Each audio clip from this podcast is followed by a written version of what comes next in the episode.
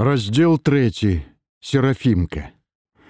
Адчуўшы благое, серафімка прыбегла на свой паруйнаваны, аброслы быльнягом падворак і адразу ўбачыла расчыненыя дзверы ў сенцы. Усё ж дзверы яна зачыняла, як ішла раніцай, значыць, тыя там пабывалі. Серафімка кінула на падворак рыдлёўку, убегла ў цемнаватыя сенцы і адразу кінулася да кубёлка, дзе ў зрудзелым слаі солі яна з зімы ашчаджала два кавалкі сала. Ды дзе там? Побач на зямлі валялася шчарнелая вечка, а ў кубёлачку было пуста, адна соль на споддзе. Значыць, пабралі, каб іх пабрала крываўка. Серафімка ускочыла ў сваю цесную сцюдзёную хатку і бразнула засланкай. Чыгунок стаяў на ранейшым месцы у выстылай печы.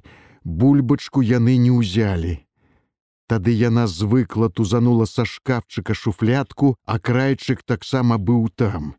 Значыць, усё ж будзе чым пакарміць чалавека. Таропка пачала збірацца ў поле завязала ў старую хусцінку міску з вываленай у яе бульбай, зверху на якую паклала акрайчык і два салёныя гуркі з гарлача. Паесці галоднаму чалавеку пакуль што хопіць, а там будзе відаць. Яна дужа спяшалася, нібы баючыся, што спозніцца, не ўратуе ні бараку, паправіла хустку на галаве і выбегла на падворак пелепёнкаў ужо нідзе не было відаць. Можа, пайшлі на свой хутар, а можа, дзе яшчэ сноўдаюць па пажарышчах. Тут яна ўпершыню падумала, што пра яе чырвонаармейца ніхто не павінен ведаць, тым больш гэтыя злыдні, ад якіх усяго чакаць можна. Яшчэ дакажуць немцам тады, хто ведае, што будзе, і яму, і ёй таксама зноў шчынаўся дробны сцюдзюнаваты дожджык з заходнім ветрам. У полі было холодна, але яна не дужа адчувала сцюжу, яна таропка бегла, спярша дарогай, пасля цераз перакапаную снарадамі касагорану да тарфянішча. Варонкі ў нізкіх мясцінах ужо сталі набірацца вадой. Мутна-чорнай вадой на дне. У адной яна ўбачыла нешта падобнае на адзежыну, хоць гэта мог быць чалавек, які нібыта плаваў там увесь у вадзе, і толькі ягоная спіна вытаркалася на паверхні. Спалохаўшыся, яна шаснула ў бок, выбегла да траншеі і доўга блыталася там у траншейнай крапанцы, пакуль знайшла знаёмы з пабляклай дзвярніны пагорак. Мусіць, гэта быў той самы бліндаж. Але цяпер яе ніхто не сустракаў. Зеўраў чарнатой нізкаваты ўваход у яго, і яна ціха паклікала: « Ці вы тутака? Не адразу ў адказ пачуўся стрыманы стогн, які яшчэ болей устрывожыў яе, і серафімка ледзьве адольваючы страх, полезла ў цемрыва казалі есці, дык во, прынесла бульбачкі. Чалавек пластом ляжаў у кутку на разасланым шынялі, у прыцемках трохі бялеў яго ухутаны бінтамі твар. Вады мне. Вады серафімка вінавата здзівілася. Пра ваду яна і не падумала, яна несла есці, Але мусіць, калі хворы, паранены, дык як жа яна недаўмелася адразу. Ванзэлачык з міскай яна пакінула ў бліндажы, а сама выпаўзла ў траншею, згадваючы, дзе ж тут узяць вады. Апроч лужанаў у варонках, ды на тарфянішчы іншай вады тут не было. Трэба бегчы дамоў дзе крокам, а дзе і подбегам яна адолела страшную касагорыну, дабегла да бульбянішча, тут стала спакайней. Дожджык усё сыпаў, дробны, але не сціханы, яно ўжо нямала абмокла, і куртка і спадніца, босым нагам дождж быў не страшны, горш, што намокла хусцінка. Другой такой цёплай хусцінкі у яе не было.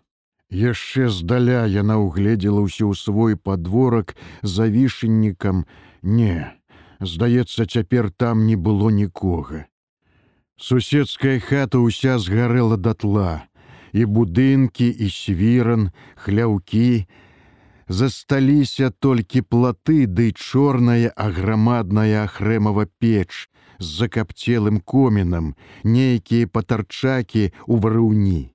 На гародзе, аднак ціха пагойдавалася на ветры, почапка старога пахілага асвера над іх сумесным калодзежам. Там павінна быць і вядро.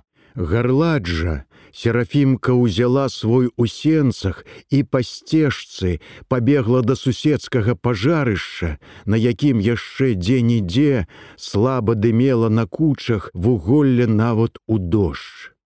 Зблізку відаць стала крушня камення на месцы былой асеці, ды ў варыўні, закіданыя галавешкамі на ранейшым месцы стаялі ахрэмавы жорны, на якіх і яна нямала памалола збожжа. Сваіх жорнаў у яе не было, Жорны толькі абгарэлі трохі з ражкоў драўлянага жолабу, а так камяні былі цэлыя і гатовыя да работы. Серафімка наліла жбан вады з калодзежу і па-над плотам зноў пашыбавала ў поле.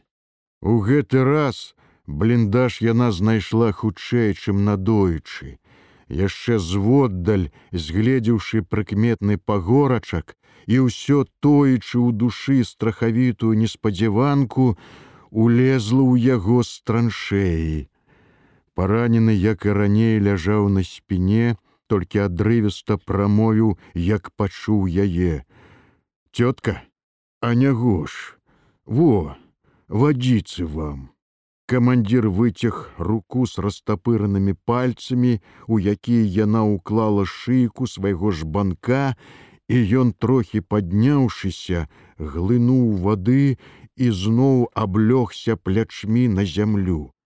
Спасибо яна пераняла з ягоных рук жбанок і не ведаючы куды тут прыткнуць яго трымала ля сябе. Может ты спасёш меня тётка помаўчаўшы гаротна сказаў паранены. Дык каб жа як можна было лёгка азвалася яна, стоячы перад ім на каленях. Вось тут паесці вам хлебца і бульбачкі. Не скрануўшыся, ён моўчкі выцяг да яе руку, і яна падала яму акрайчык, затым у другую руку уклала пару сцюдзёных пазаўчарашніх бульбінаў. Камандзір з гатоўнасцю ўсё ўзяў, але тут жа знямогла опусціў на живот занятые харчым руки спасибо вам. Дык пожалуйста даруйте болей няма нічога. Было сало дык пелепёнки забрали какие пелепёнки а благие люди тутэйшие благие? Ага дужа кепскія. Просто нялюдскія Камандзір помаўчаў, падумаў і ўсё не паднімаючы рук з ежай запытаўся: « А ты кто же будешь? Ды баба, колгасница, Серафимой зовуть. Ну что ж, значит, Серафима. А семья у тебя большая? Не, одна я. Одна? Одна, одинокая, сумно призналась Серафимка. В Любашах живешь? У любашах ага попалілі любашы адны галавешкі асталіся да раздумна сказаў камандзір і змоўк яна таксама маўчала не ведаючы што сказаць яшчэ ты никому только про меня понимаешь сказаў ён пасля. А нягош я нікому Может, я поправлюсь еще, а там посмотрим. Дык поправляйтесь, а я вам буду носить, что трэба. Спасибо, тетка. Видно, хорошая ты душа. Проникненно сказаў хлебнікаў, і серафімка ледзьве стрымалася, каб не заплакаць ад пахвалы гэтага небаракі. Доктара б вам, ды нешта тут. Да, доктора, но, наверное, увы. Может, если бы кого из начальства, из прежнего руководства, может, связаться, чтоб. Каб жа быў, хто сказала яна, а то у любашах ні брыгадзіра, ні старшыні. Старшыня дак у суддзіловічах жыў, партейны, але ці застаўся цяпер. Да, все рухнуло, как в прорву. Немцев пока нет. Покуль не было, можа, обыдуць? Нет, не обойдут, скоро появятся. Выдохнуў хлебнікаў ізноў трудна і надоўга змоўк. Можа, ён заснуць і забыўся на яе тут прысутнасць, ведама, чалавек без року, і яна доўга сядзела ціхенька, бы мышка, стараючыся нічым не патрывожыць яго. Хлеб і бульбіны ён усё трымаў у руках, але ні разу не ўкусіў нават. У бліндажы было суха і, здаецца, не холодна, не тое, што ў траншыі. Адзін бок якой, відаць, было на ўваходзе, мачыла дажджом, і мутная вада з даху тоненькім цурком лілася ў траншею. Трохі яшчэ разважыўшы, серафімка вылезла з бліндажу і раптам азірнулася ў траншеі. Здаецца, нехта мільгануў зводдаль за абрушанай траншейнай павароткай.